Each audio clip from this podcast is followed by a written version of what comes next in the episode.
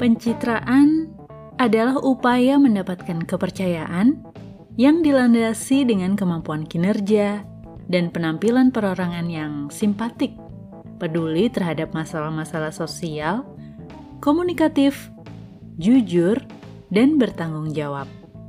Intinya, agar bisa diterima oleh kalayak.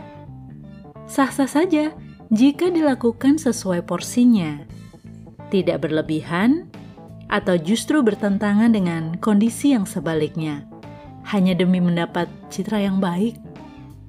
Citra yang tak sejalan dengan realita, sama halnya dengan penipuan.